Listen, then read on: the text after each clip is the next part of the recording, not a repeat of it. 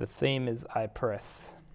And I don't always have a theme for the month, but, um, but uh, I just felt it this month, and I love it when this happens because God's just laid out the month's messages for me. and so, um, and I'm telling you this so that you can share with someone that may may need to hear this from the Word of God. Uh, one of these messages this morning is it's time to move on, uh, and and um, so that's this morning's message. Uh, next week's message is breaking the cycle. Uh, the following week is what you have is what He wants, and then the final week in October is the work of worship. Uh, the work of worship. There's times, and these are all kind. These are messages to kind of get us out of a rut. Sometimes we get stuck. Sometimes we get stuck in a place, stuck in a situation, and God doesn't want us stuck anywhere. He wants us always moving forward, always moving forward. If you notice, uh, if you notice and you study the armor of God, it's all front armor. It's designed for us to march forward. Only when we fall down, the goodness and mercy of God, the grace and mercy of God, protects us while we're down so we can get back up. Right? Uh, and so the, God has designed his army to be moving forward. And uh, it's, I don't think it's by coincidence or mistake that, uh, or accident that um, Sister Charlotte and uh, Sister Gabby shared what they shared this morning. Um, but God is trying to tell somebody it is time to move on. It is time to move on. It is time to press. It's time to press. The, just like the woman with the issue of blood, um, she had to press through the crowd. Just like Sister Gabby's testimony, uh, she had to press through her studies. She didn't feel like it, but she did it anyway had to press through her studies. So let's turn to the book of Samuel, 1 Samuel.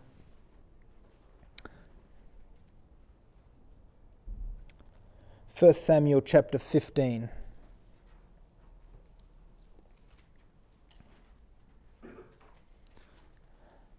First Samuel chapter 15 verse 10 says then came the word of the Lord unto Samuel saying it repenteth me that I have set up Saul to be king, for he is turned back from following me, and hath not and hath not performed my commandments.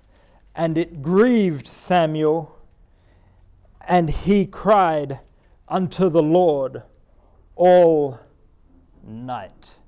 It grieved Samuel, and he cried unto the Lord all night. So let's jump to uh, 1 Samuel chapter 16, the next chapter, verse 1. Verse 1.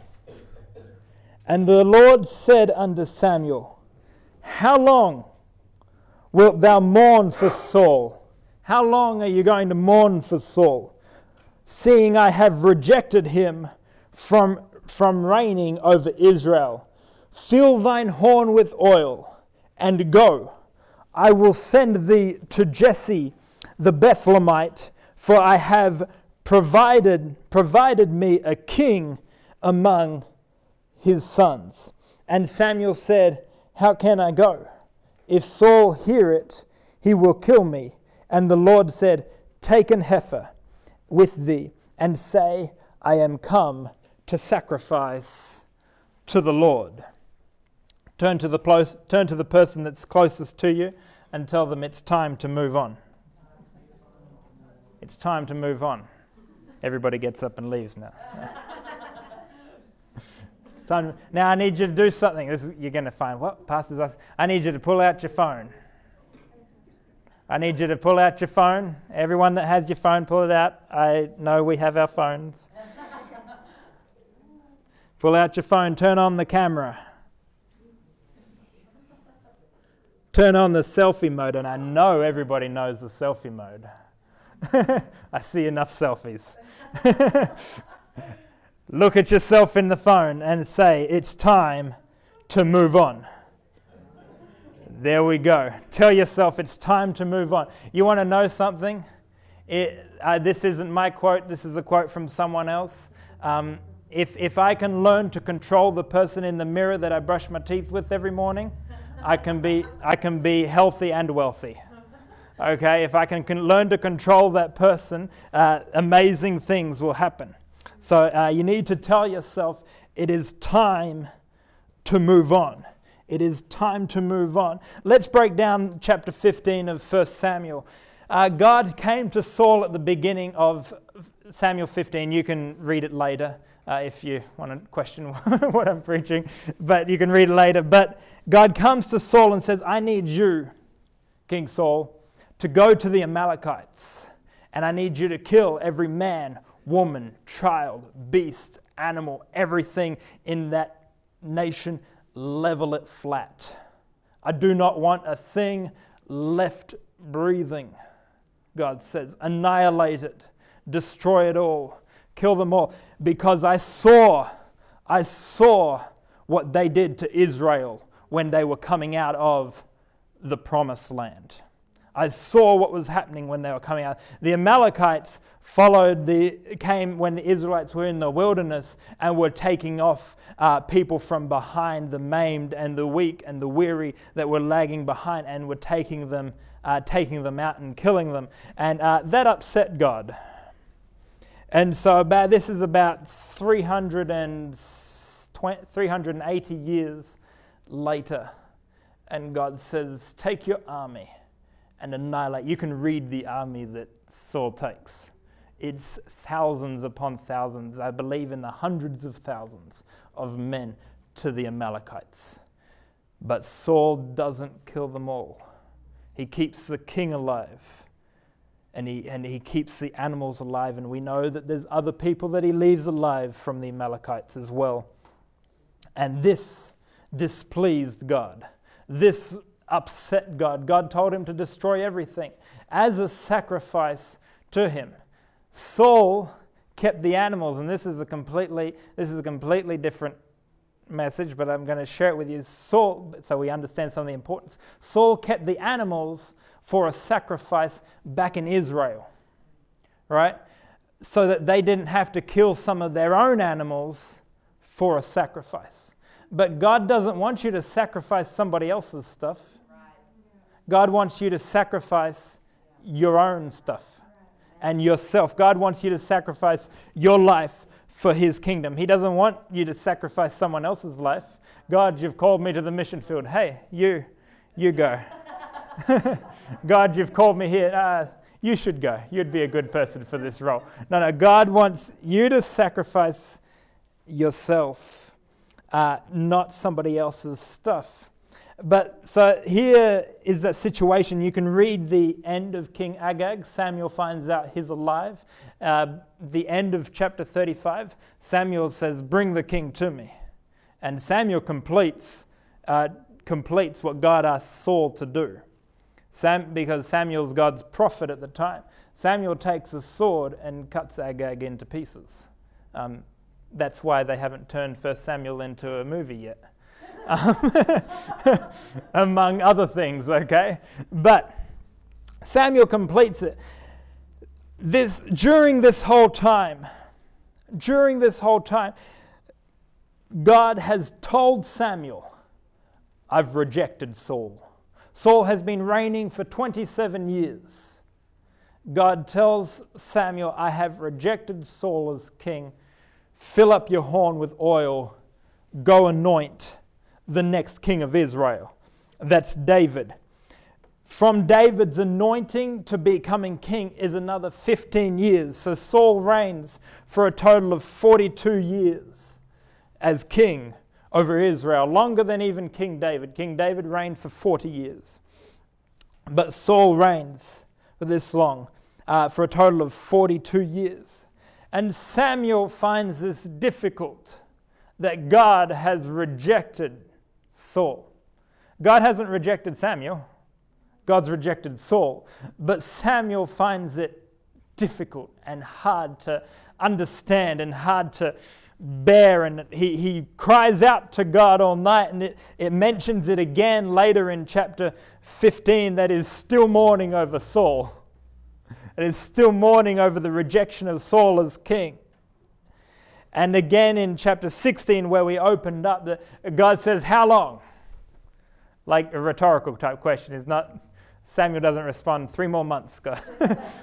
three more months and I'm done. No, God's like, How long are you going to weep over Saul?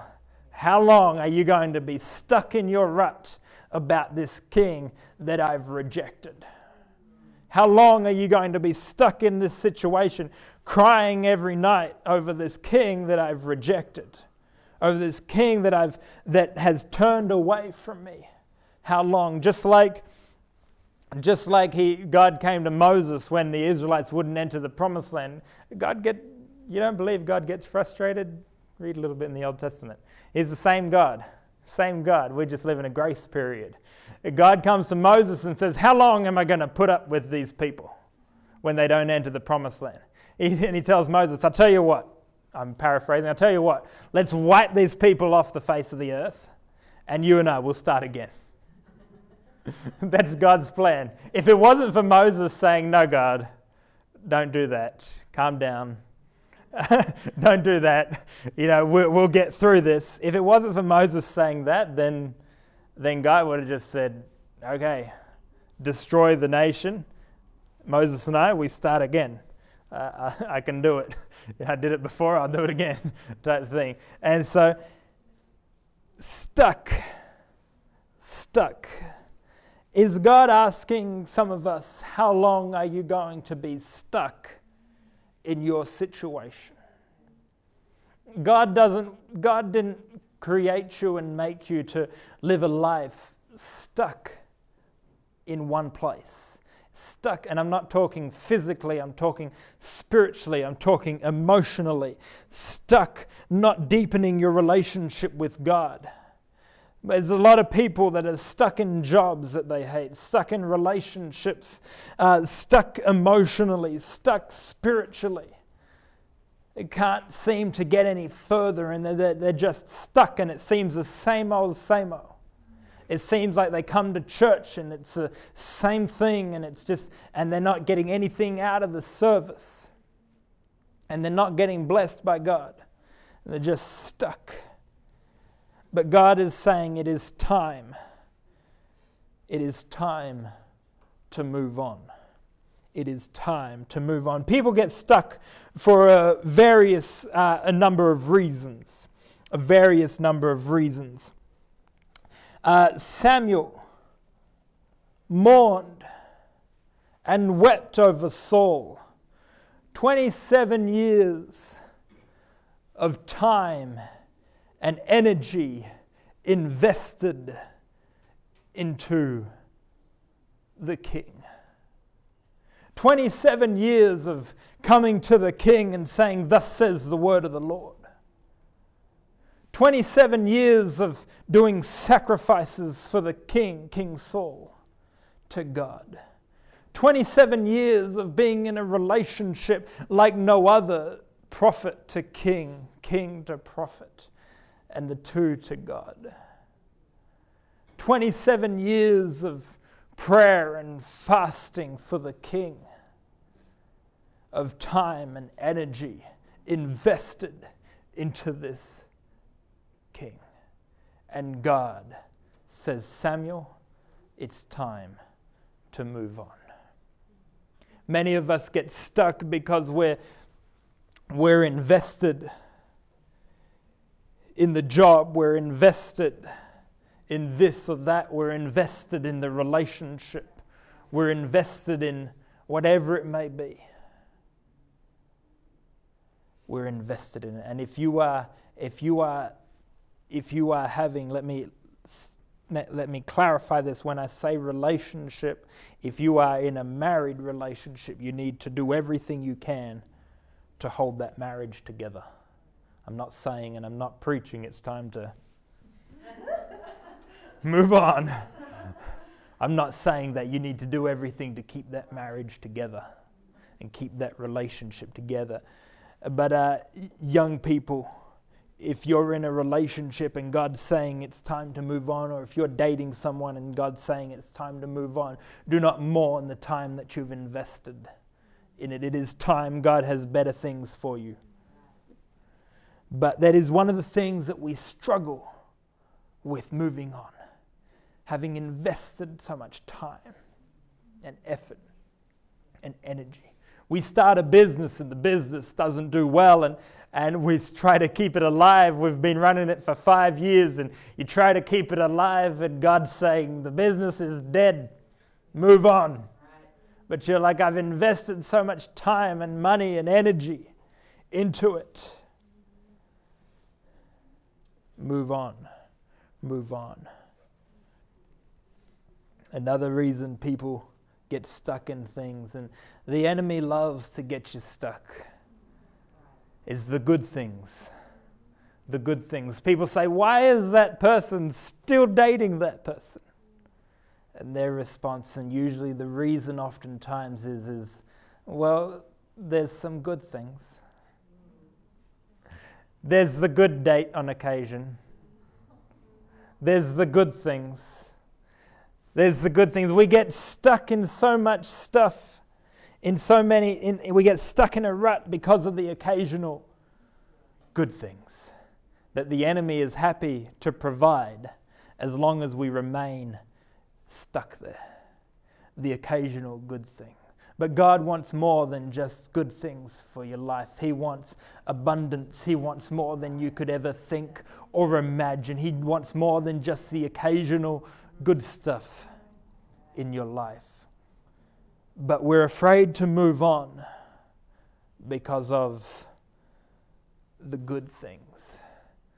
The good things. We're afraid because this job provides this or that. There's, there's some good stuff about it. You see, nobody is purely evil. Nobody is purely bad when they when they create a villain for a for a movie or they create a bad character for a movie, they're not all bad. There is a portion in there that is good. There is a portion in there in their character that is good. And it causes some, uh, some people be, to, to follow them for the good things. The enemy will always put a portion of good stuff in with the bad. A portion of good stuff in with the bad. There's good things in everything. There's good things in everything. But don't get stuck because of the occasional good thing. Too many people stay in a situation that they need to move on from and they stay there just because of it's good every so often. Every so often it's good. Every so often it's good. Don't get stuck because of the good things. Samuel. Samuel, there were good things about Saul. He looked like a king. He looked like a king. I mean, Israel liked him because you put him up next to other kings and he looked down at other kings head and shoulders above men. He was a warrior. He was a man's man. He was the Gaston of his time, for lack of a better word. He was everything you could put in a man. He had the good stuff. And Samuel mourned it. Samuel mourned it. Samuel mourned it. The unknown. The unknown will cause you and paralyze you where you're at if you do not step out. The unknown will cause you to not take another step, will cause you to be stuck longer than really anything else because you don't. What happens if I step out? I don't know. What happens if I leave my steady workplace and start a business? I don't know.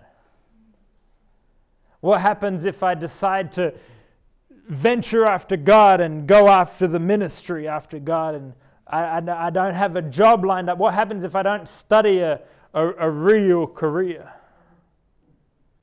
I don't know. I can't give you those answers. I can tell you what happened with me. God called me to Alice Springs. I came with a thousand dollars in my pocket, no job lined up. I remember when the bank account hit seventy-five dollars. I was like, well, well. God provided a job a day later. God makes a way. Sister Gabby didn't know what would happen if she would even get a job in Sydney in the market. If she should even try to continue pressing through what she's studying. She did, in the last day, a job is offered. The unknown will cause you to freeze if you're not careful. Will cause you to stay exactly where you're at for the rest of your life if you're not careful because you know it. It's comfortable. It's nice. You've put your decorations up. You've set up. I have a recliner at home that is my chair. and I love it. It is comfortable. It is comfortable and, and it's it's nice and I I go to sleep in it. But the same can be said for our emotional, our spiritual walk with God. That we get so comfortable that we just fall asleep. And we wake up, and before we realize it, we're 50 years old. And God's still calling, saying, Hey, hey, I've got things for you to do. I've got stuff for you to do. I turn 30 next year. Never thought I'd see 30. 30 used to be, I used to think of 30 as old. King David started king, being king when he was 30. He was anointed when he was 15 to be king. And yet, David, although not knowing really anything about what he was doing at the age of 15, stepped into the unknown. Said, Sure, you can anoint me to be king. If you tell that to someone who's 40, they'd be like, Nah, I know the responsibilities and the roles with that. I ain't taking that. But the unknown, if we don't watch out, the unknown will cause us to freeze and to stay where we're at, where we are at. That's where faith kicks in. Faith kicks in for you to step out into the unknown. And finally, and finally, King, Sa- uh, King Samuel, Saul, uh, Samuel, God says, Samuel, I've rejected Saul. Fill up your horn with oil, stop weeping, and go anoint the next king of Israel. Samuel brings up a very good point that I think I would bring up too. He says, he says, God, Saul's still alive. He's still king. Can we wait till he dies? Basically. Because if he finds out his prophet is going off anointing the next king of Israel, I'm going to die. And I don't want to die. I like living. And so, and so the next thing and the final thing that can stop us from moving on is your past will still be there with you. Your past will still be there with you. God doesn't get rid of it, it's still there. But you have to move on anyway. You have to move on anyway. It'll still be there. It'll still haunt certain aspects of your life. It'll still be there. The devil use it to remind you of another life. That you're not worthy of this or that. The devil will use it to try and get you off of what God is doing in your life. Saul was still alive and he was still king for another 15 years after anointing King David, after anointing him. Your past will still be there when God asks you to move on. When God asks you to move on. But the Apostle Paul gives us some advice in first uh, in in Philippians chapter three. Let's turn there together. Philippians chapter three.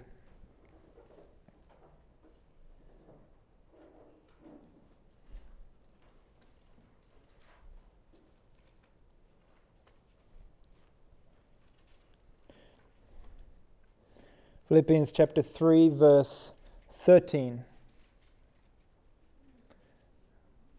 Brethren, I count not myself to have apprehended. Apprehended is a nice way of saying, I don't consider myself to know. I do not know, I do not understand. I, cons- I count not myself to have apprehended. But this one thing I do this one thing I do. I, I don't understand everything. I don't understand everything that's going on, everything that's happening. I don't understand all that's going on in my life, but I do know I do this one thing. This one thing I need to do. This one thing I do. Forgetting those things which are behind and reaching forth unto those things which are before. I press toward the mark for the prize of the high calling of God in Christ Jesus. Let us, therefore, as many as be perfect, be thus minded. Think like that. Let us, therefore, think like that. And if in anything ye be otherwise minded, God shall reveal even this unto you. Or if, if anything, if your, if your mind is thinking anything other than I just need to press forward, I just need to reach forward, then once you get going, Paul says, once you get started, God will reveal that to you. You may not know it now, you may not understand it now, but once you get going, God will reveal His plan more and more to you. God will reveal you to you the next step. You may have a calling in one way or another way. You may have a calling to go this way and you don't know anything but the first step. All you need to take is the first step. And then once you take that step, everything else will be revealed. God, God will reveal the second step to you and the third step to you. I didn't know where I was going to work when I came to Alice Springs. All I knew is I needed to be in Alice Springs. I came here. And then God said, You're going to work here because He offered me a job there. I applied all over the place. God knew the town better, and I am thrilled where I'm working Monday to Friday. I, it's, it's, it's a wonderful job, but God provided it for me. He made sure I didn't get a job anywhere else because I applied all over town because I needed a job. And God took care of it. God took care of it reaching, reaching. Your past will be there. Saul was still alive. Your past will be there. You may not forget, but I, either you, whether you forget or not, you still need to reach forward. Paul lives this out in his life. In prison, Paul and Silas. Paul's in prison. What do they do? Start worshiping and praising God. They're, they're locked up, they're in jail. There's, there seems to be no apparent way out. There's, they're not sure what to do. They don't know how to get out. Paul says, Well, I may not fully understand. I don't fully apprehend, apprehend what's going on here, Silas, but this one thing I do. Forgetting the situation we're in right now, let's worship God. Let's reach toward God. Let's press toward the mark of the high calling of God. Paul is shipwrecked. Paul is shipwrecked and cast on the island. Cast on the island. And what's he do as soon as he gets there? He's just survived this shipwreck. As soon as he gets there, starts helping people get sticks to build a fire, starts helping the locals get sticks to build a fire. If we could have some music, that'd be great. Starts helping the locals to uh, get some sticks that live on that island to build a fire because everyone's cold, everyone's wet, everyone's just gone through this shipwreck. They're not happy. But Paul says, I don't understand the situation that I'm in. I don't understand why we're being shipwrecked. But this one thing I know to do I'm going to go get some sticks because everyone's cold and we're going to build a fire. And right in that moment, as Paul does what he does best, is to move on, right in that moment, the enemy puts a bit of his past in there. And a snake jumps out, bites him. And the people say, The snake's going to kill him. This man must have been a murderer. And Paul, can you imagine as the households and the children and the families went, went through his mind of the people that he used to persecute, that he used to kill that were Christians, that he had murdered? As the people proclaimed that this man must have been a murderer and now the snake's going to kill him. But Paul doesn't let any of that bother him. He just walks over to the fire and shakes the snake off in the fire and continues doing what he was doing. Brothers and sisters, when Paul says, I, I don't count myself to have apprehended, let's read this again, verse 13. Brethren, I count not myself to have apprehended, but this one thing I do, forgetting those things which are behind, and reaching forth to those things which are before. I press toward the mark for the prize of the high calling of God in Christ Jesus. When Paul says that, when he's writing that to the church in Philippi, when he's saying that, he's, he's speaking from experience. He's saying, I understand. I've gone through things and I do not understand what it's all about. I don't know why it's happening. But this one thing I know if I can just reach, if I can just press, continue to press. I may not feel like it, but I will get out of this situation. Brothers and sisters, there's some of us here this morning that need to press for God, that need to reach for God. Like the woman with the issue of blood, we need to reach for God. Reach for God. Press through the crowd. Press through the mind talk. Press through your past and reach for God. Let's stand together this morning. These altars are open.